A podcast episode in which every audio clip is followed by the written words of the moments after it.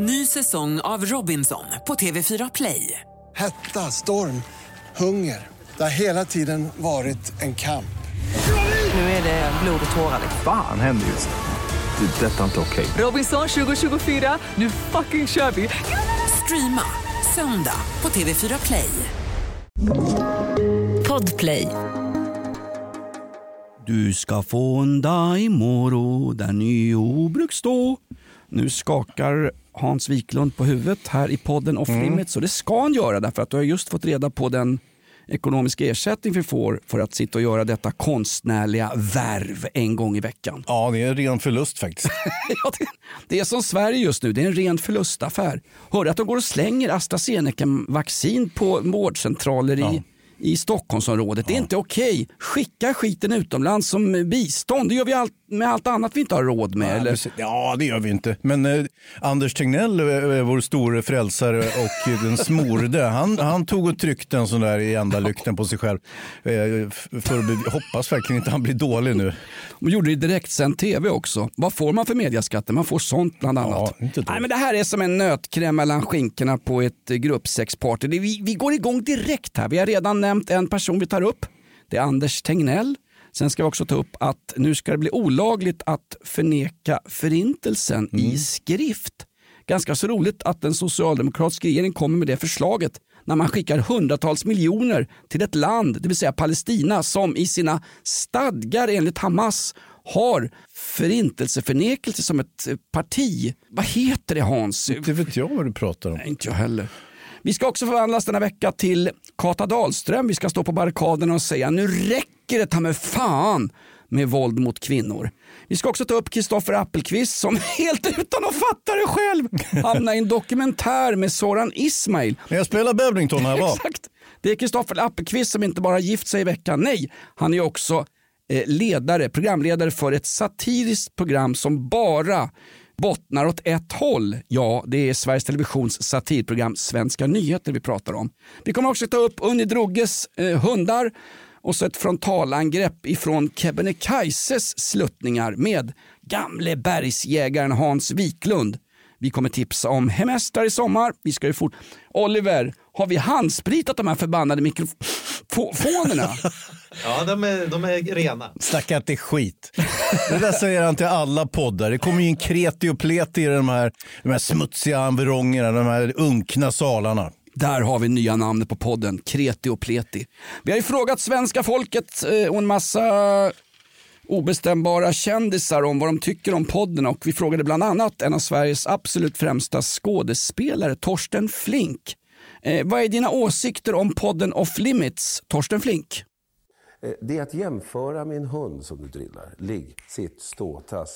Ligg, sitt, stå, så kör du det tills du kan. Eh, Det är ett väldigt tråkigt liv jag lever och som jag hyllar. Mm, kloka ord därifrån en gammal medarbetare på Teater Galeasen när jag själv sprang runt där i strumpbyxor och spelade djup. Det här är podden Off Limits i studion Jonas Nilsson, Hans Wiklund. Normalt sett så kör vi morgonshowen Morgonrock på Rockklassiker mellan 5.30 och 9. Och i studion är även, oj, anrikt folk. Vi har kulturmannen Oliver Bergman, släkt med Ingmar Bergman i studion också. Han är vår producent, du är vår lyssnare. Tack för att du står ut. Det här är podden Off Limits. Nu kör vi!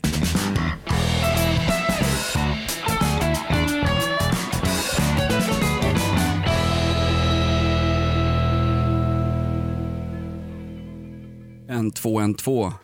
Jag tycker att jag låter bra. Jag är bakåtlutad, blir är inte så jävla stressad. Det är bra.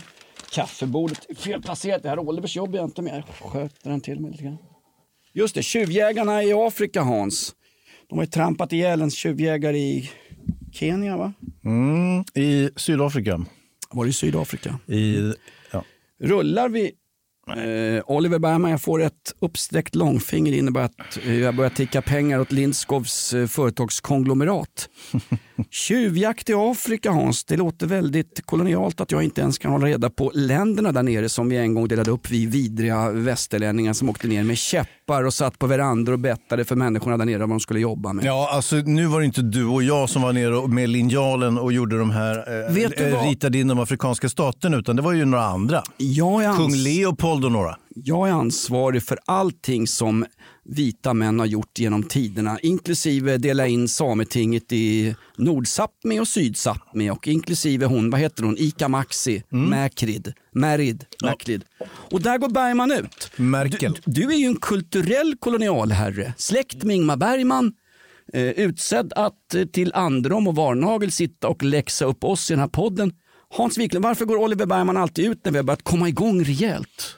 Går han ut? Jag har inte ens märkt det. är, du, är du ett förbannat, är du ett kapitalistiskt hologram Bergman? Det finns inte på riktigt. När, kom, när kommer det? Hur länge får vi hålla på? Jag tycker det här är roligt faktiskt. Om eh, 30. 30? Och, och var den där olyckan Lindskov, han, du hans hantlangare bara. Du, Lindskov följer jag på Instagram. Han sitter och tvättar sig med färsk lax i underlivet. Han har beluga kaviar under armarna. Och så sitter han och fnissar på folk som går runt i jeans, som du och jag.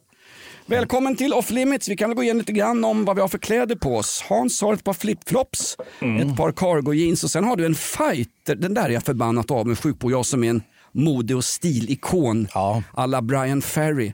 Den där hoodien du har på dig Hans, berätta historien för det finns en historia bakom det klädesplagget ungefär, ungefär som det fanns om Gustav Vasas trosor på 1500-talet. Ja, alltså mycket historia är det ju inte. Jo. Nej, men utan det här är ju en, en klubbjacka. Det här är ju min klubb, min eh, brasilianska jiu-jitsu-klubb som har sitt emblem här fram och även där bak. Jag, jag har ju inte sett det som är där bak av förklarliga skäl, för jag ser ju bara det som är fram när jag ställer, eh, framför spegeln. Jag vet Så vad som det- finns där bak för att citera Bosse Hansson. Nej men det är ju en tröja som ni tryckte upp när ni var och tävlade i Prag. Vad snackar Ja men det står inte Praha på ryggen på dig. Praha, Prana står det. Klubben heter Prana, vilket är en yogaterm. Så det är inte Praha som du har läst på spelarbussen när, du- när du står i Solna och väntar på att något öststatslag ska komma och möta AIK. Och står det Praha på. Det, det här är något helt annat förstår Nej men då du. har jag ju missuppfattat. Du har, det är klart du har missuppfattat. Det, Alltså, du har det- alltså en hoodie på dig som jag trodde var en fighterklubb ifrån Prag. Det är sådana tröjor jag kan köpa på nätet för svindyra pengar. Du skulle ju ha blålurat mig Hans, som du gjorde när du började, när du dök upp i den här podden för första gången och gjorde bra Aha, och jag sa att jag kunde det här. Nej men alltså, Och det sa att Adam hade, vad heter han? Adam? Adam. Vad, vad heter han? Eh, komikern? Soran Ismail? Nej, den andra, han som var här förut. Är det någon som är glad att våldet mot kvinnor har ökat i landet just nu, det är Soran Ismail. Nu är allt ljus på kvinnovåldet med all rätt. Detta fruktansvärda illdåd som pågår dygnet runt, året runt och eh, i klädda olika fula varulvsdräkter. Ja. Inget, ingen pratar om Soran Ismail längre, han kom undan väldigt billigt. Ska vi dra en liten kort story vad som hände? Soran Ismail hamnar i metoo i slagsida. Mm. Han försvinner i tre års tid, han kommer tillbaks, han blir erbjuden en SVT-dokumentär. Ja, som blir ungefär som Yasin Byn eller liknande. Ja, att man får prata lite, lite omotsagt och babbla på. My side of the story-intervju, verkligen. Mm. Och där är han med. Intervjun heter Persona non grata, fast det handlar aldrig om att han var en icke önskvärd person. Det var han själv som för, föredrog att gå in i det förflutnas skuggor. Gå i Sen kloster. Just det. Sen dök, gå i ungdom som du brukar säga. Mm. Sen dök han upp och det blev ett satans liv för att dokumentären var ingen hyllning och ingen förlåtelseakt för att Soran Ismail skulle komma in i stugvärmen igen och ordna sin försörjning via ett välbetalt jobb på SVT och i TV4s Parlamentet. Nej. Det blev tvärtom. Och sen drog han med sig i fallet en massa andra glada tjosan tjosan komiker. Som till exempel Måns Möller som har Ja. fått gå ut och be om ursäkt för att han är med i den här omtalade eh, dokumentären. Ja. Och dessutom killen som sitter på fredagskvällar i ett satirprogram som heter Svenska nyheter på Just det. Sveriges Television. Kristoffer Apelqvist. Just det, grattis. Han har gift sig med sin vackra hustru nu. Och det var kyrkobilder och lite allt möjligt. Ja, kul. Jag tycker inte okej att Sveriges Televisions medarbetare gifter sig i kyrkor. Det är exkluderande mot landets muslimer. End of story. Ja. Hur som helst, det är kul att han, han är med i Soran-dokumentären och spelar badminton med Soran. Och så får han säga efteråt, jag ber om ursäkt för att jag är med i den här dokumentären överhuvudtaget. Jag har bara spelat, Jag har bara spelat badminton. Ja, jag har bara spelat badminton med honom två gånger och det råkade hamna med i den där dokumentären. Han gör avbön och tror du att han med några som helst betänkligheter inte tar upp det här i sitt eget satirprogram om politisk satir, Svenska nyheter. Nej, för där är agendan att bara slå från ett håll hela tiden. Från Ta vänster till höger. Ja, tack Hans. Tack. Stating the obvious. Där tar han inte dugg, inte en sekund tar han upp att han själv dyker upp i extremt Han gjorde en platt figur faktiskt. Herregud. Men han var, verkar vara duktig på Bennington och sen så tycker jag det var underhållande där med att de hade ett, ett system med gula lappar som de skulle justera. Måns Möller har den andra kurden, vad heter han? Ös, ö, Öskan. Nej, det, det är inte Ösn, Ös. det är inte Ösnöjen. Det är, Nej. Östnöjens, det är alltid hans svåger när det handlar om problematik. Jaha, jag förstår. Ja, det var han som hade snickarfirma med, med äh, tjetjenen. där. Ja. Exakt. Akilovs lastbil och transport AB från Drottninggatan. Hur som helst, vad som händer i den här Soran Ismail-härvan, det är inte att Ja, Soran Ismail vill självklart be om ursäkt igen då i efter dokumentären. Först ber han om ursäkt för det han har gjort i dokumentären, sen får han be om ursäkt för Mm. Men han hade ju inte gjort något, vad bad han om ursäkt för? Exakt. Sen har han då i dokumentären då Mm. eh, svartmålats och uthängts eh, från någon kurdisk balkong. Och där får han säga att eh, jag har inte alls varit så här fruktansvärd och jag menar ingenting illa. Nej. Och då kommer en person som heter Bianca Kronlöf. Ja, som hon är då, komikern. ja. Ja, komiker. Okej, I min- skådespelaren. I min värld är komiker Ska roliga. rolig också, ja. Hon är ju betald för att hon har rätt värdegrund för SVT. Det är genuskurser och hon skojar med vita tjocka feta Var, var det så att hon tog Sorans plats där? När han åkte ut med badvattnet så kom hon in. Nej men ungefär. Ja, Alltså, när, när hon, hon läxar upp honom i något Instagraminlägg som får en och en halv miljoner visningar. Mm. Bla bla bla. Mycket älskvärt och mycket tänkvärt. Jag har till och med läst, orkat läsa igenom det här om att eh, patriarkatet måste förbanne med skärpa sig. Ja. Då slutar det med att Soran Ismail kontaktar henne och ska ta ett snack om den grabbiga kultur som råder på Stockholm och Sveriges ståuppklubbar i kulisserna. Och Måns Möller och Kristoffer Appelqvist och varenda käft som är, springer runt och är ståuppkomiker i Sverige. Sverige är det land som har begåvats med fler ståuppkomiker än vad det finns skämt. Då, då ska han prata med Bianca Kronlöf. Snälla Soran Ismail. Vad Du- de prata om? Ja, inte vet jag. Du borde kanske Soran Ismail, om du vill prata för att komma in i värmen igen och ett tryggt jobb på SVT.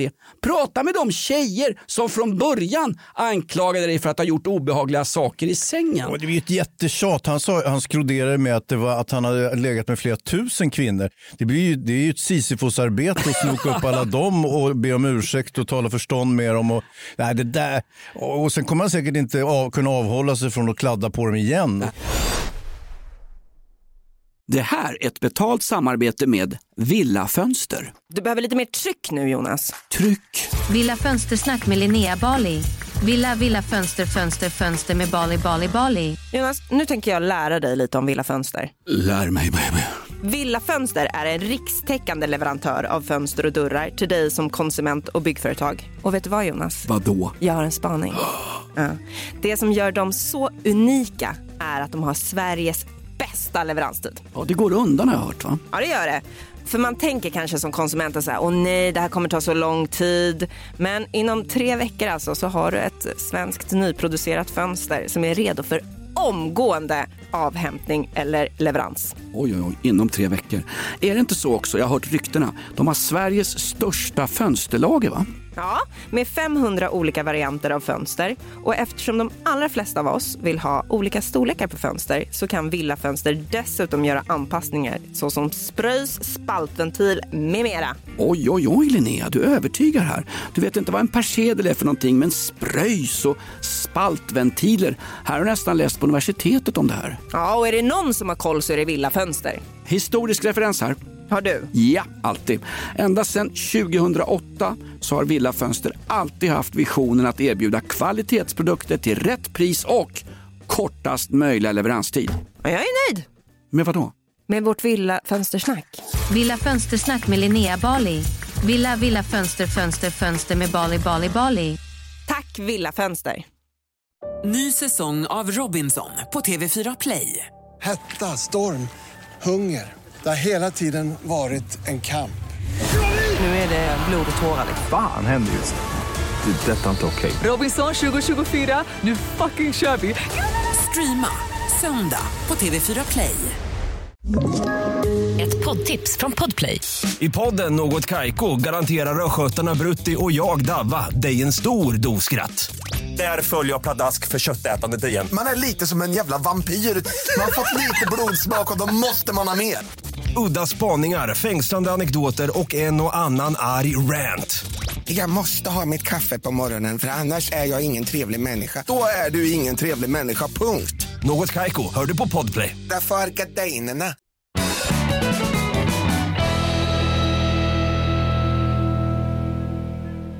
Får jag bara säga en sak? Ja. Håll en sak får du säga Jonas. Håll socialt avstånd mellan dina, de, de hundratals kvinnor du har gjort dumma saker med sådan. Det är kanske dem du ska prata med innan du pratar om grabbhetskultur med Bianca Kronlöf.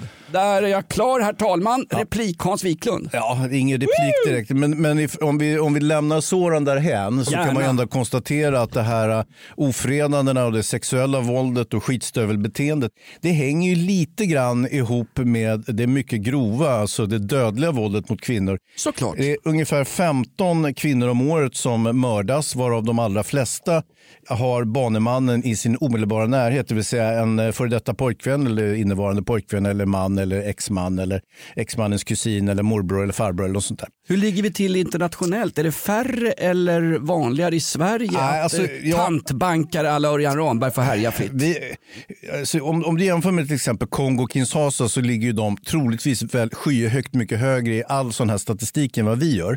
Eftersom det är ett krig där, eh, där man använder sexuellt våld som vapen. Men, men för att vara ett ganska fredligt land som Sverige ändå är så ligger vi hyfsat högt. Alltså, eh, vi har totalt eh, 100 plus eh, eh, fall av dödligt våld per år och 15 av dem är då kvinnor. Här har ju, sa ju polisen med all rätt, jag är på ordningsmaktens sida sedan jag fyllde 50 bast. Innan dess var jag dess edsvurna Så- fiende. såklart. De sa, vi har en nollvision och det ska det förbanne mig vara om de pratar om en feministisk regering och trygghet. Hans. Nollvision! Såg du på Agenda när programledaren tappade nästan och läxade upp både Damberg, inrikesministern och Forsell som är Moderaternas talesman i såna här frågor. Hon sa det, varför har ni inte gjort någonting? det här precis. bara pågår år ut och år in och sen hade de då med knytblusen Damberg i spetsen någon slags handlingsprogram. Mm. Jag skulle fråga Agenda, varför har inte ni på SVT uppmärksammat det här tidigare som har pågått? Det är sällan det är program om sånt här på SVT.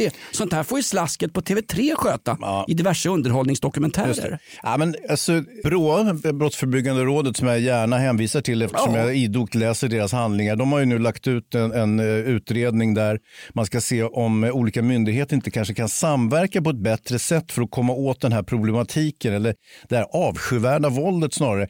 Nu har det blommat upp igen och det är av ett väldigt enkelt skäl. Fem kvinnomord på tre veckor i närtid. Och då, då, då, då, liksom, då blir det så här, herregud, det här måste vi nästan skriva om i tidningen och, och prata om i media. Och när det väl är gjort, då hamnar det på politikernas bord och de ställer sig allihopa upp och gallskriker, vi måste ha längre straff, vi måste ha hårdare tag, vi måste bla bla bla, vi måste ta bort eh, patriarkatet eh, och sådär. Men det är all rätt. Och då tänker man så här, ja absolut, Men, men varför gjorde ni inte det för sex veckor sedan? Tack. Innan de här fem morden. Ja, Merci där- beaucoup herr Wiklund, tack. Ja, så att, och, och, det är väl den springande punkten. Att säga. Jag kallar sånt för populism. Nu, hänger, Ja. nu står en feta valmanskår med mig i spetsen och luktar korv när jag svettas och tänker det här är förbanne mig inte okej. Det är Nej. döttrar, systrar och folk i mitt grannskap som råkar illa ut. Nu kliver de fram, som politiker alltid gör. Nu vill de ha våra politiska röster Just Hans. precis, precis. Men jag tänker fortsätta ligga i utdragssoffan och onanera och inte gå och rösta.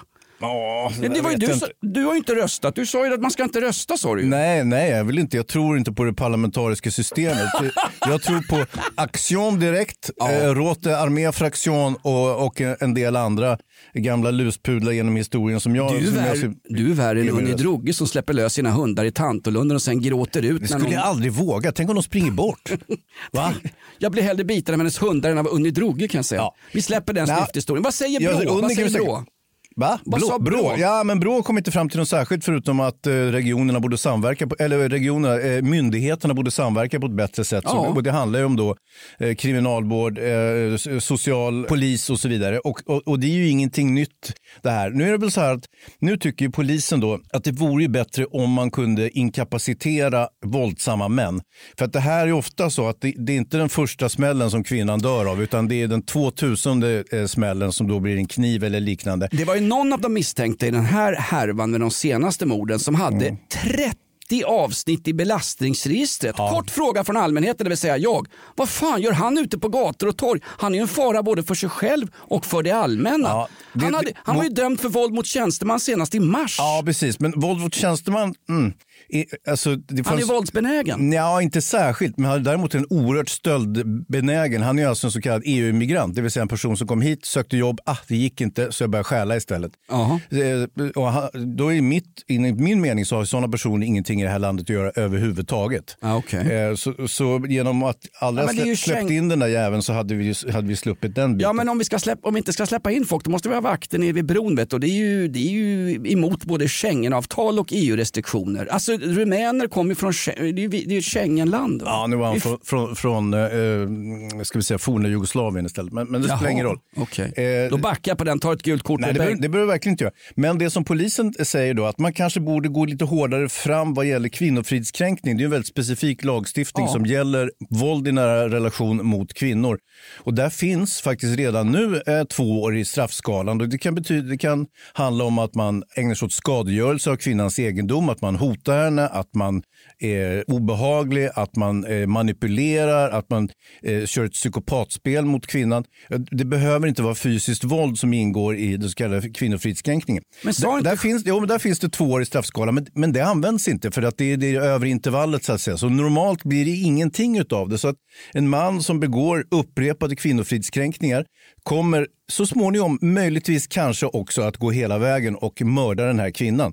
Men om man då låser in honom på igen åtta år då för fri- eh, kvinnofridskränkning, då sitter han ju inne så att han kanske hinner tappa lusten. Det här eh, omedelbara liksom, våldsbehovet kanske stillar sig en aning. Jag är ledsen att behöva störa dig här, justitieminister Hans Wiklund, men nu är det så att vi har inte tillräckligt med fängelseplatser, så nästa plan i, den svenska, i det svenska folkhemmet är att vi hyr in oss på fängelser utomlands. Och icke mig emot, icke mig emot. När du berättar om det här Hans, med att det inte faller under att kvinnofridskränkning är så lågt bestraffat per definition när det kommer till domstol. Då vill jag bara liksom Eh, Oliver Bergman, kan du boka Amerikabåten till mig? Jag vill emigrera till ett land där rättsstaten åtminstone fungerar. USA? Nej, det gör inte det heller. Alltså, jag får stanna hemma då. Ja, det tror jag. Får stanna hemma. Ja, jag tror att, att eh, USA är inget föregångsland, eh, inte i det här hänseendet heller kan man väl säga.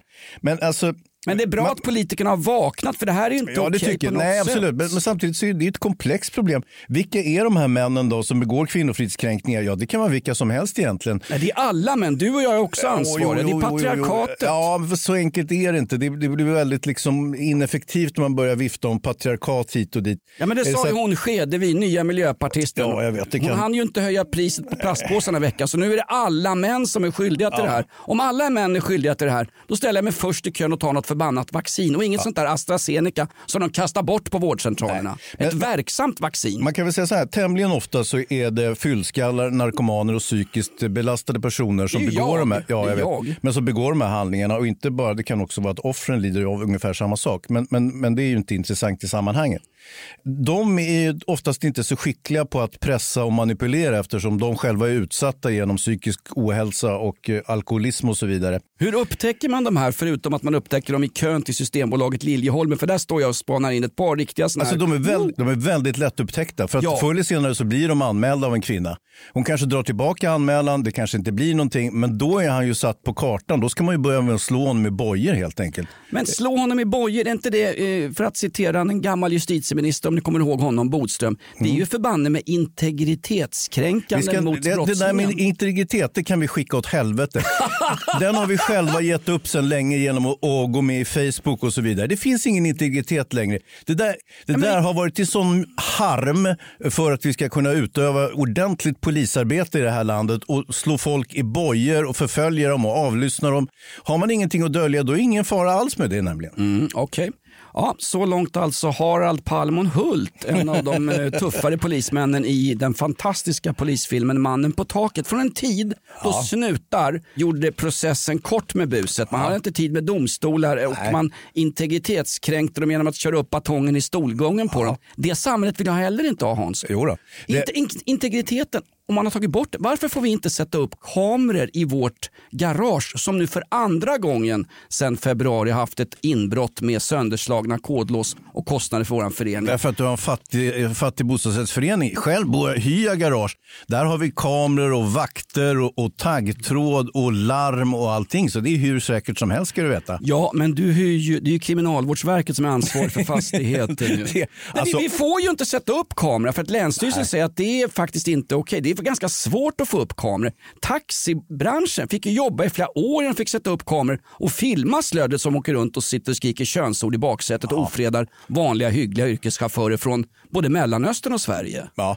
Eh, jag bor ju i det kameratätaste området i hela Sverige faktiskt. Förutom möjligtvis Arla, Arlanda flygplats, Hall, Ystad och Hinseberg så är Odenplan mitt i centrala Stockholm det mest övervakade stället överhuvudtaget. Nu har man ju dessutom infört drönarspaning. Just det, det här nämnde du i podden förra veckan. Hur har det gått med det här Hans? Har de fått fast, har de, har de kunnat naila någon av eh, läkemedelslangarna? Alltså, tem- de har faktiskt försvunnit. Eh, Det har de? Ja, det har de. Och eh, de kände sig väl att ah, det här det är ju som på Rinkeby torg. Där har man ju också tämligen eh, stor övervakning. Fast där skjuter de ju ner kamerorna Men är det inte som när man får- punktligt. Så att, Är det inte som när man får herpes i ljumsken? Om man får bort de blåsorna så försvinner det och så dyker det upp någon annanstans. Ja. Man flyttar bara runt problemet. Har jag herpesblåsor i ljumsken så dyker de sna- snart upp på någon skinka eller i munhålan på min flickvän. Problemet flyttas ju bara runt när vi utrotar narkotikalangningen på ett ställe. Alltså, så är det. Och så är det ju definitivt i de så kallade utsatta områdena. Ja. Där, där är det ju så. Och troligtvis är det väl så kring Odenplan också. Men här har man också förlängt eh, bevakningen runt Observatoriekullen och så vidare. Där, där är väldigt mycket missbrukare och mycket försäljning. Ja. Just de här killarna med, med hoodiejackor som, som stod och byt, bytte droger mot pengar eh, hela natten utanför min balkong. De tycks ha lämnat arenan tillfälligt. Jag vet inte exakt vart de är. Men... Var handlar du nu då? Ja, jag får ju gå på Ica som alla andra. Vi kan väl säga också för alla som sitter ute i glesbygden och förfasar sig över Stockholm här när det är drönare och helikopter och batongslag och fotbollshuliganer och annat skit. Och munskydd och handsprit i kaffet och allt vad det är. Hans, du bor alltså mycket centralt i Stockholm och Observatoriekullen, det är ju ett gammalt det var väl Anders son som kallade det för Stockholms Venusberg. Va? Det är en gigantisk hög det är en kulle, som, det är ungefär som Floras kulle i Humlegården. Här kan vi sälja in Stockholm som ett hemestermål i sommar för hugade glesbygdsbor. Kom till Stockholm, njut av Observatoriekullen Ja, och verkligen. Floras kulle. Och dessutom så finns det ett observatorie, det är därför den heter Observatoriekullen. Jaha. Det står ett observatorium med en eh, stjärnkikare på toppen. Och det är mycket vackert och sen ligger Asplunds mycket vackra eh, stadsbibliotek eh, nere vid foten av Observatoriekullen. Så det här är mycket naturskönt och trevligt område. Synd på alla, alla narko- narkomaner bara. Men, men de ska väl också få njuta av, av en vacker del av staden kanske. Absolut. Eh, Sen har du det gamla vanliga svensk-finsk-polska första laget som sitter uppe på Odenplan. Där har du inte superligan utan mer superligan som ockuperar de där bänkarna. Jag går av bussen där ibland. Det är ett satans liv på Odenplan. På Löskefolk som har druckit för mycket. Det är könsord, det är politiska pamfletter. Det låter som direktsändningen av podden Off Limits. Det är liksom inte mycket vettigt. Det är, liksom, det är schlagerrutor åt alla och det är vilda sluggerslag mot underlivet. Det är ett förbannat patrask som sitter uppe på Odenplan där och dricker sprit. Ja, jag sitter där själv ibland. Nu tänkte jag inte på Tranans uteservering, Tranan mycket känd restaurang, utan på själva bänkarna. Ja, ja, det är framför Tranan. Där. Exakt. Ja, ja, visst, visst, visst.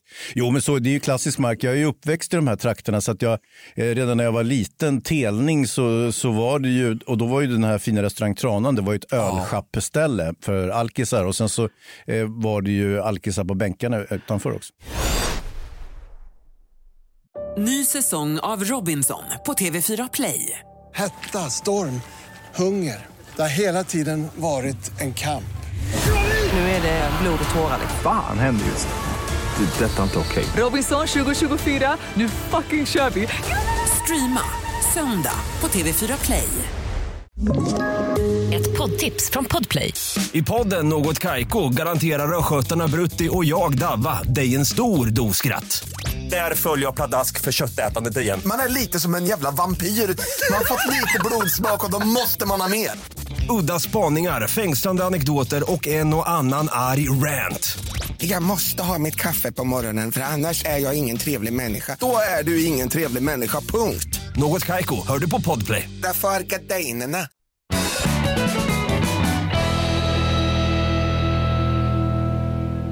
Jag tänkte på superligan på Odenplan. Superligan i fotbollen Hans. Just det. Ett dråpslag mot alla oss som älskar lite mindre fotbollsklubbar, det vill säga samtliga fotbollsklubbar i Sverige. Superligan ska nu genomföras. Det här är inget fotbollssnack, men man ska alltså ha en, vad är det?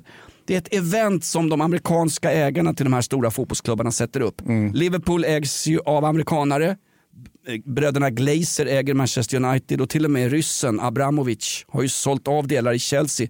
Nu är det någon satans amerikan som heter, det är fantastiskt, han heter Buck. Han heter smeknamnet för dollar och är väl majoritetsägare tror jag i fotbollsklubben Chelsea nu. De ska tillsammans med massa andra europeiska klubbar starta en superliga. Berätta för mig Hans, vad är en stängd liga i Europafotbollen? En stängd liga det är helt enkelt en liga där du köper ett medlemskap och där kan man inte åka ur eller åka upp någonstans utan man bara spelar med de bästa spelarna i, ja, i hela världen. Då. Som ett slags gängkriminella fast inom fotbollsklubbarna? Ja, som en klan kan man En säga. klan? Ja, klanboll.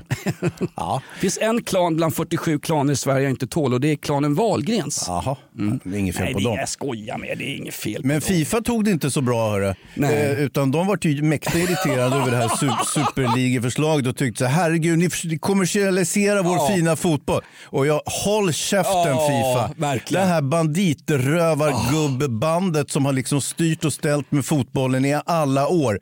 Alltså att de skulle bli kränkta av en sån här idé, det är ju det är ju humor. Hälften i Fifas ledning sitter på kåken för mutbrott, bland annat eh, för att de gav VM till Qatar där 6500 stackars jobbare har dött. Och den andra hälften borde sitta inne. Fifa ställer sig upp och pratar om idealitet. Det här är emot fotbollens eh, värdegrund. Det här är emot vad fotbollsfansen står för. Ja, tjena. Fifa är väl för det första kommer det inte bli någon superliga. Det här är bara ett sätt för de rika klubbarna att jaga skiten ur Fifa och Uefa. Därför att folk på flykt tar inga rationella beslut. Nu är de på flykt och får dela med sig av de här miljarder i tv-pengar som Fifa själva sålde ut en gång i tiden och gav klubbarna alldeles för mycket makt. Ja, det här är ungefär som eh, att eh, Shottaz börjar utpressa Vårbynätverket. Vi som var ett Jag kan inte se någon skillnad i hanteringen. Vi som var ett vanligt glatt gäng som i Vårby åkte skateboard och gick på ungdomsgårdar och kanske puffade på lite cannabis eller lite Libanon någon gång ibland. Vi var schyssta killar. Det är precis på samma sätt. Och det är kul också när Svenska fotbollsförbundet ordförande, den här gamla sopiga domaren, Karl-Erik Nilsson, fotbollsförbundet. Eh, kan- Han kan inte orka springa många meter den han är ju Uefas svar på Åsa-Nisse. När han går ut i tidningen och säger Ja, det här är inte okej med en superliga. Nu sätter vi inom Svenska fotbollsförbundet in krafttag och protesterar å det strängaste mot om detta skulle genomföras. Vet du vad Karl-Erik Nilsson? Skaffa en verklighetskontroll. Han skulle, Skaffa ens, ett större land. han skulle inte ens för fan få ta in kaffebröd till Fifas söndermutade direktörer. Nej, såklart, det, det är lika, lika verkningsfullt Han som kan att... ta sina stadgar och torka som en av sina småländska bonnaskinkor. Ja, alltså det är som Mal Malta eller Liechtenstein skulle börja liksom. Eller Stefan Löfven plötsligt. Det är helt oacceptabelt. Det är helt oacceptabelt. Men är det, verk- är det oacceptabelt eller är det helt oacceptabelt? Det är helt oacceptabelt.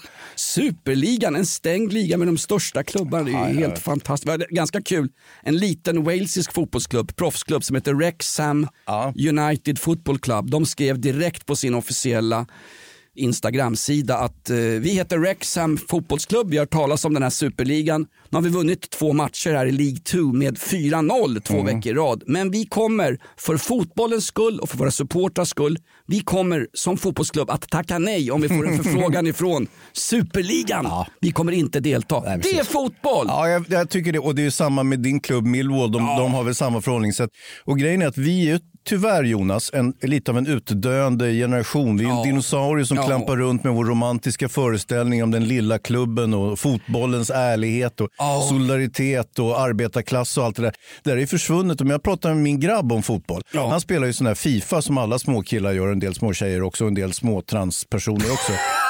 Men, och då har de, de har inget förhållande till den lilla Nej. klubben. Det enda som de har i sina Fifa-spel i datorn det är ju Messi, det är Ronaldo. Det finns ing, ingen, ingen benknäckare på, på, som mittback i Millwall med i de där spelen. Nej, det är faktiskt så. Min son följer ju AIK slaviskt, men det är på grund av ett har ju gammalt... tvingat honom. Ja, det är ett gammalt olaga hot. Jag sa till honom, man får hålla på vilket lag man vill. Han var sju år då. Man får hålla på vilket lag man vill, Erik. Men nu går du med den här AIK-tröjan upp på skolgården på Aspudden skola, där det bara går Hammarbykillar. Drillar och så får en riktig omgång stryk. Men så kommer du hem och säger vilket lag håller du på Erik? Och säger något annat lag än AIK Erik, då får du bo på ett ukrainskt barnhem. Och det är också trevligt, men inte lika bra mat som mamma lagar hemma. Nej, nej. Och, eh, eller ett Helen tyckte, sisboende. jag, Helen tyckte jag var fruktansvärd. Jag, jag skickade in ungen, han var ju bollkalle på Millwall Cardiff också. Satt, und, satt i en Millwall träningsoverall under ett flaskregn mellan Cardiff och Millwall-fans. Och så efteråt så sa han, pappa,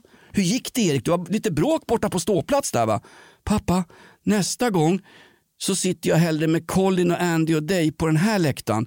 Det får du göra Erik. Ja, men de biljetterna är ganska dyra. ja, vi har inte råd med det. Nej, men, det, men det är sant som du säger, fotboll och idrott fostrar och det är, kan man ju känna sig trygg i. Jag är en edsvuren AIK-soldat. Jag är dömd och utsedd att marschera i AIKs led alldeles oavsett om det är tråkmånsen Rickard Norling, frid över hans minne, eller vem det är som sköter den här klubben. Sportchefer avgår, fotbollsspelare drar vidare, fotbollsspelare kysser klubbmärken, räknar pengar när de kommer hem. Det är vi supportrar som, nej just det, vi står ju inte på läktaren längre. Nej, det gör det inte. Vi får ju inte det. Nej, och, in, och inte fan är ni nere på plan heller. Och det ska vi vara glada för. Har inte haft en planinvasion på Friends på flera år. Nej. Faktum är Hans, det är en ny generation som växer upp. De följer liksom stjärnor. Alla skulle ha PSG-overall när Zlatan spelade i, Frank i Frankrike. Nu ska de ha honom i eh, Milan-kläder. Ja. Ja. Ja, men det är, så, det är ju Vi liksom... är som Nyamko Nej, Sabuni. men det är utveckling vi- också, vi- Jonas. Våra åsikter räknas inte längre Nej. Hans. Men å, å andra sidan, vem är det som bryr sig om någon gammal vit stofil som liksom håller i gamla värderingar? Det är ju ointressant. Du och jag, Löfven, vi är snart ett minne blott. Jag känner mig som Hindenburg, den där enda statyn som inte skulle rasas om eh, Angela Merkel avgick i, Tyskland. Eller jag säger ju Västtyskland fortfarande. Så förbannat stofil är jag. Ja, framförallt säger jag Östtyskland om de andra jävlarna. Du, jag tänkte på eh, det här med, jag börjar planera semestern lite så smått. Ska du vara Eh, ledig? Ja, vi ska väl, lite lediga ska vi vara. Vart ska, vart ska vi åka? Jo, men jag ska berätta om det nu Jonas. Eh, och det här är ju, liksom, det är ju pandemin man måste ta hänsyn till. Och efter det här med padeltennis och tafsa på tjejerdagen och miljön och sånt som har fått stort utrymme i sociala medier, både i narrativ kontext och även i diskursen och annorstädes, då, så, så kommer nu, eh, då, och det här är min gissning på sommaraktivitet, bajssafarin. Eh, Okej, är, det någon, är det någon hemlig klubb i Gamla stan? Jag vill inte gå med, för sist kunde jag inte sitta på flera veckor Hans. Och var tvungen att gå med konsumkasse i byxorna. Jag kallar den för en gigantisk stomipåse. Jag tömde den över pizzan varje kväll. Vad är bajssafari? Ja, det, alltså så här, bakgrunden är att semestrandet i Sverige har ju ökat lavinartat då, eftersom man, det är, myndigheterna och andra såna gubbgissare säger att ja, det är farligt att åka utomlands och man kan bli pestsmittad och få en tsunami i ansiktet eller så störtar flygplanet. Det är ju jävligt krångligt att ta på sig ett munskydd innan man ska boka en fyllcharter till Grankan. Fråga Exakt. Eliasson. Ja. Och dessutom så blir ju liksom eh, flygplanet släpper ut en massa koldioxid så att eh, eh, Kebnekaises eh, inlandsis den smälter ju när, man, när vi åker utomlands. Förra året så var det 14 000 personer då, som gick vandringsleden upp mot Kebnekaise. Hur många? ort. 14 000 personer. Det är ju fler än vad som ingår i den svenska försvarsmakten. Och då räknar jag hemvärnet. Ja, det har du rätt i. Undrar om det var dem eller om... Nej, det här var, tur... det här var 14 000, turister. vilken satans folksamling hörde. Verkligen. Samtidigt också. Ja, nej, men de gick väl liksom i någon form av led föreställer jag mig. För att säsongen är ju ganska kort. Sen blir det ju snöstorm och så vidare. Eh, Kebnekaise, du kallar det för Kebbe va? Keb. Keb? Som, som gammal artilleri, artillerist så gick vi faktiskt, vårt regemente skulle ju bestiga Kebnekaise. Vi kom väl till foten av Keb och sen insåg de att det här var ju taskigt material. Det här var ju Stockholmsgrabbar. Plattfött vi var ju byggda som Erik Niva i kroppen. Det var bara att vända om till, vända om till luckan igen. Men jag har faktiskt marscherat mot Kebnekaise. Det är ju fantastiskt där uppe på Keb som vi kallar det, vi bergsjägare. Precis. Keb. Ponera nu att samtliga de här vandrarna, 14 000 personer, eh, lägger varsin 3 hektos kabel på uppvägen. Jo, och sen samma bajssmörgås på nervägen. Eh, och då har jag räknat lite grann på det här. Eh, det blir 28 000 vandringar då, och eh, 3 hekto bajs. Det blir alltså 8 ton mänsklig avföring som man då måste vada sig igenom på den här lilla fjällsemestern upp mot Kebnekaise och ner igen. Vänta nu, det här var någonting från i veckan. Det är någon som upp... Men, länsstyrelsen i Norrbotten, Norrbotten har gått ut, precis, jag känner igen siffrorna Hans. Ja, det här precis. med det var en skitnyhet i tidningen i veckan. Det är, det, är det här. Det är det här Hans! Eureka, jag har det! Ja. För att citera Aristoteles. Så för att det inte ska bli helt olidligt uppe i fjällvärlden nu så anser då en del experter att man ska ta med sig plastpåsar för att samla ihop träcket och sen eh, gärna kanske se någon hög med bajs som lämnats vind för våg bland dvärgbjörkarna och, och lavarna där. Så kan man ta med ytterligare en påse så kan man ta med sig det bajset också. Och då, Vänta då nu. har jag räknat på det här också. Ska jag ta med mig påsar för att ta ner min egen avföring? Varför sätter man inte ut bajamajor längs den här leden upp? För det är förbanne med ett promenadstråk upp. Det finns ju en Burger King-restaurang halvvägs upp. Nej, det gör det inte. På Keb, nästan. Ja, men det skulle kunna göra. Men det finns inga bajamajor. Det skulle dessutom se anskrämligt ut. Och samerna skulle sätta sig på tvären. Det skulle störa re, rennäringen. För det gör nästan allt stör ner, eh, rennäringen så fort det ska göras. Om de ska bara flytta en kvistjävel där uppe så börjar de gnälla. Samerna skulle skicka fram någon talesman med sju framtänder, släkt med plupp och berätta det här ska vi förbanne med bidrag från Stockholm om ni ska göra. Ja. Är, det, är det samisk mark Kebnekaise? Nej, det vet jag inte. Jag ja, vet men det är det säkert. Det mesta där uppe är, är, ju samiskt. Ga- Gaise betyder topp på samiska. Gebnegaise är Kebbes topp. Ja. Och det är inte kabbar som Torsten Flink skjuter in i armvecket utan det är kebbe. Kebbe är någon, det är någon ursamisk högtid va? Det är, Ja, Den är äldre än oss. Ja, det är väl som julafton då. Ja, ungefär. Eller midsommarafton. Eller en kombination. Vi vet ju inte. Det är en tysk import. Aha. Exakt. Okej, jag har räknat på plastpåsarna. Då. Det blir alltså 40-50 000 plastpåsar, ah, 7 kronor styck då i Greta Thunbergs skatt. Eh, för att hantera hela den här bajs, bajs, eh, bajslogistiken. Och då och så räknat lite mer, vad- flygresorna upp till lapphelvetet för att folk ska kunna promenera där uppe till renbetesmarkerna. Men ska vi inte cykla upp då? Det är väl den nya grejen? Från det är för dag- långt Jonas. Jaha, Det är ingen vettig människa som orkar cykla så långt. Man behöver inte ha sadel på cykeln, då blir det skönare. Ja, det undrar jag. Hör du. Det där beror på preferens. Prova. Och eh, hur som helst, det blir ett förfärligt eh, klimatavtryck från, från mänsklig hand och mänsklig eh, rektors, rektum. Rektorsexpeditionen som är ett gammalt slanguttryck för stolgången i Stockholm. Får jag bara säga en sak? Men är, alltså, nu ska vi alltså ta med oss bajset i påsar, det som vi gör oss av med under våra fjällvandringar. Ja, det är Men riktigt. någonstans tar inte naturen hand om avföring? För snart får vi väl börja plocka upp renarnas bajs. Och bajs, bajs är väl till skillnad då från gem, ölburkar och kondomer, det är ju nedbrytbart. Och munskydd. Och munskydd, exakt. Det är ju nedbrytbart. Det var vad jag trodde också. Men det visar sig lite för kallt här. Så det, ligger, det är ungefär som alla eh, olyckliga bergsbestigare på K2 Mount Everest. De ligger ju kvar där i befintligt skick så att säga. Det är, de är ju, ja, ja, visst, visst. Men, och deras bajs också. Eh, inte bara liken utan även de som har överlevt. Så jag, jag kan inte ens fantisera hur det ser ut på K2 där. Men Ligger liken och bajsar på Mount Everest? Nej men sluta Jonas, det är inte så jag menar. Men förstår du, alltså, det, det, det ligger alltså lik och avföring i en salig röra uppe, uppe på de här natursköna områdena. Jag blev, men jag blev sugen på en bergssemester. jag tänker, dit jag vill komma. Jag är Ja. inte säker på att, att, att det här är framtiden. Vi kanske inte ska gå till Kebnekaise eller klättra Mount Everest. Men om vi nu använder alla de här plastpåsarna och, och flyger fram och tillbaka för att göra det. Kanske så, så skyndar vi på upphettningen av klimatet och de här eh, bergstopparna smälter. Och då kommer ju exkrementerna eh, förvandlas till gödsel och även eh, eh bergsbestigarliken uppe på K2. Mm. Är det som i min rumpa, en slags övergödning som väntar? Ja, det är inte otänkbart. För, ja, då, ja, då har vi nästa problem. Ja men det är som en slags, alltså om vi inte tar ner avföringen som eh, Kebnekaise-turisterna lämnar efter sig så kommer det bli en, det är en slags en gigantisk kompost på väg upp i Ja. fjällvärlden. Ja, precis. I bästa fall. Kompost Nord, alltså Mm. ring Postnord, de har ju förmågan att slarva bort och kasta bort allt. Det Ja, men kanske- jag vet inte, det är kanske är en affärsmöjlighet. Det är, det är stora investeringar nu. Greens Blue, Green Steel i, i Boden och så vidare.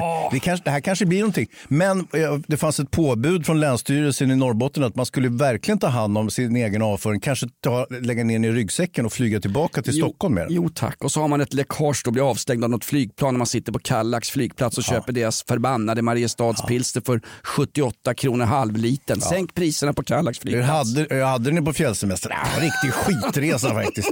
Åkte på skittur. Hans, eh, det där är ju ett miljöinlägg i Off Limits. Det är någonting vi kommer börja jobba mycket med. Krimmi Ja. får du mycket beröm för. Det här miljöinlägget att man ska ta med sig träcket, eh, avträdet hem Mm. till man bor. Det är ju, det är, det är, du, du har börjat ta samhällsansvar. Ja, det är inte bara det. Det finns ju en sexuell eh, eh, aspekt av det här också. Så om man är, har en, den koprofaga läggningen eh, blir ju allt mer populär också. Vi ska gå under regnbågsflagget i år och då, Då då har man ju med sitt eget bajs. Då säger jag som en tysk stridsvagnschef sa när de rullade in över gränsen till Polen. Jag borde ha förstått att det var hit vi var på väg. Vi får kanske förklara för våra yngre tittare, de som vill ha en superliga. Har vi tittare? Varför har du inte sagt något? Jag sitter för fan här i, i barbent med, med sandaler och raggsockor. Du sitter här med din Pragtröja och precis när vi sa tittare så dök han upp, killen som har släkt inom den stora fina filmkulturen, Oliver Bergman.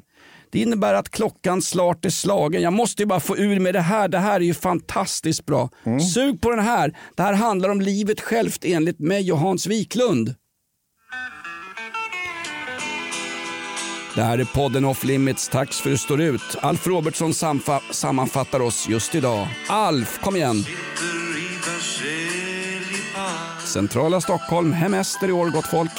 Alla stålar de är slut Låna pengar, sms-låna hos Wiklund Finans. Natten ramlar över mig Vi ramlar tillsammans, glöm inte det. Och jag blir kollad av en snut Det är fantastiskt bra. Vad sa det? Kollad av en snygg tjej. Kollad av en snut. Jaha, snut. Ja, det handlar alltså om kvinnliga poliser. Det var Alf Robertsson först med faktiskt.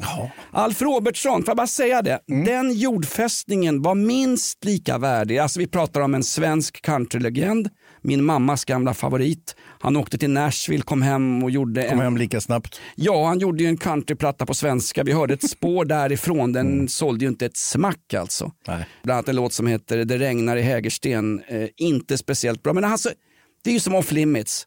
Förmågan finns inte där, men viljan, instinkten finns där. Och Alf Robertsons jordfästning har exakt samma värdighet som den jordfästning vi bevistade i helgen Hans. Ja. Jordfästningen av prins Philip. Såg du att de körde runt honom? De körde runt liket i en Land Rover. Det har jag aldrig sett och jag har varit på alldeles för många begravningar i mitt vackra unga La Dolce Vita-liv. Varför körde de runt honom i en Land Rover? Det kändes så förbannat kolonialt. Ja, men och, och sånt, det är ju så de har levt sina liv där Ja. uppe i Skottland. Och, Klaner, klaner, klaner. Ja, suttit i kilt där utan kalsonger och kört runt i Land Rovers. Och det var väl också vad jag förstår eh, prins Philips eh, önskemål att han skulle bli eh, begravd i en eh, Land Rover, eller hur? Nej, inte begravd i en Land Rover. Begravd i en kista men framförd till kisthålet. Vänta nu, jag tyckte det såg ut som de grävde ner hela Land Rover. eller? Såg du att Alltså, inte ens Bergman. Alltså, det finns ju en begravningsscen i fantastiska Smultronstället där de åker runt i ett li, en likvagn, en svart vagn.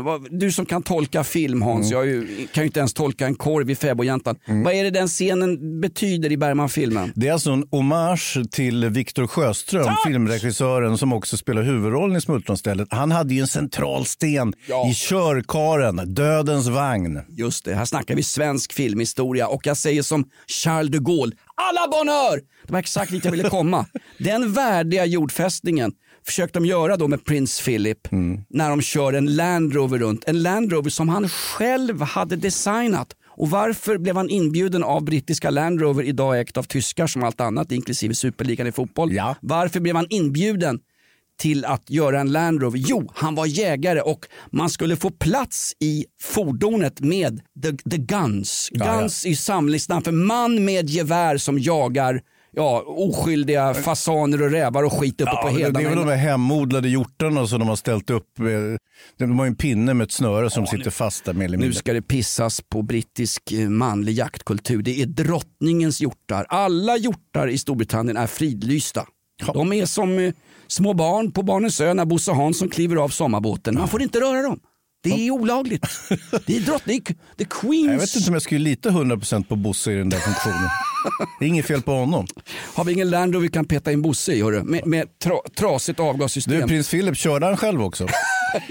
Man tillskriver ju alltid kungligheter sådana enormt liksom, storvulna egenskaper och, och talanger. Ja, exakt. Nej, jag vet inte om han körde själv, men hur som helst, hans eh, hårt plågade gemål alltså. Elizabeth. Elizabeth fick ju gå fram till kistan, såg att de satte en liten lapp på kistan. En sista personlig hälsning. En slags, en, hon fäste ju en lapp.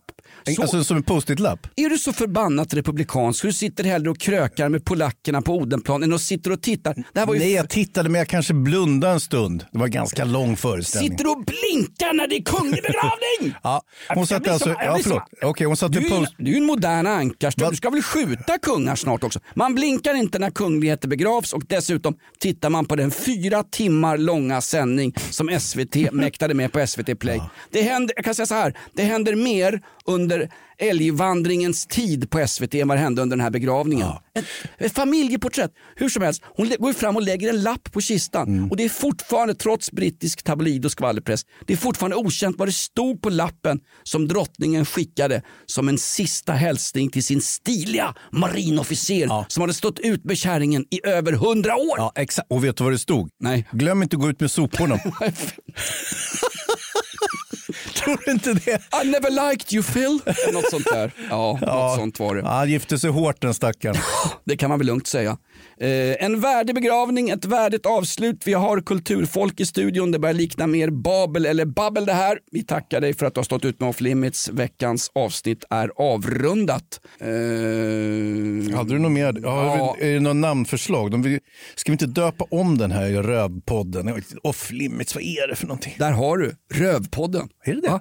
Kompletterar ditt otroligt låga eh, anförande här om Kebnekaise, eller som det kommer heta nu när de inte har några toaletter på vägen upp, Kebnebajse. Ja, jag fick ett förslag här på, ska vi se, det är en del som skickar på, Fel. Insta- nej, på. Instagram eh, skickar direktmeddelanden till mig. Jag heter Eleganten Hans där på Instagram. Så kan man skicka förslag och andra glada tillrop. He- Helst inga hot för de möter jag oftast med hat.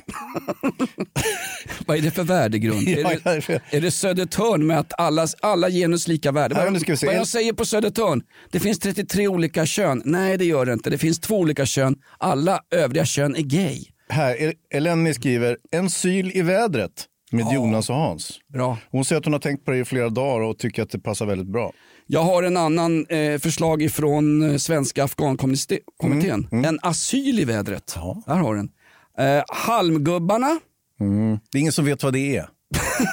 Oliver, vad är en halmgubbe?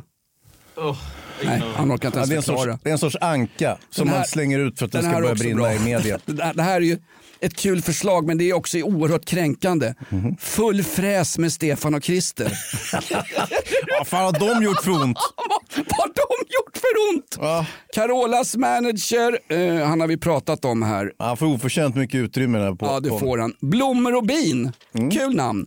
Skulle, det här sexuella lockas in. Nu har ju tjejerna i alla våra ligg en av eh, det här företagets mest framgångsrika poddar. Bägge två har lyckats med konststycket att bli gravida. Ja, grattis. Och nu söker man med Hasaros efterlyst hjälp eh, papperna till de här barnen, ätteläggen. Och det är en podd också i sig. Ja, exakt. M- Missing people. Vi har avhandlat det mesta. Tack för att du står ut med oss. Vi försöker jobba på att få två avsnitt i veckan men eh, rikemanskrösusen Lindskov har inte hört av sig från skatteparadiset på Guernsey. Är det på Guernsey han sitter? Jag Det är inget vidare väder där. Det var mycket bättre om han satt i Karibien någonstans. Han borde sitta på Kumla för bokföringsbrotten. Ja, fan. Tack för att du står ut med oss. Vi har avhandlat idag Kebnekaise, Nyamko Sabuni, Superligan och jag kommer inte ens ihåg. Nu går vi ner till Lilla Asien. Vi beställer in eh, asiatisk buffé med fladdermusbits och ett par starkpangare. Och fyra små rätter och friterad banan. Fyra små oförrätter om du frågar Kinas regim. Frige San Suu Kyi, vad heter hon som Sang Chong Tuki? Nej vad heter han? Chong Ching Tudu? Jag vet inte om du tänker på Gwen Minhai. Gwen Minhai. I helvete, den skojaren kan sitta där han sitter. Där, där kan kulturrövarna ta och, och köra upp någonstans. Nej, nej, jag vill inte vara med längre. Ta ut mig härifrån! Han är lika mycket förläggare som jag är skulptör. Jag säger som eh, Christer Björkman och Mello. Ta mig härifrån, det här har ju spårat ur. Ny säsong av Robinson på TV4 Play. Hetta, storm, hunger. Det har hela tiden varit en kamp. Nu är det blod och tårar. Fan händer just det. Det är detta inte okej. Robinson 2024, nu fucking kör vi! Streama söndag på TV4 Play.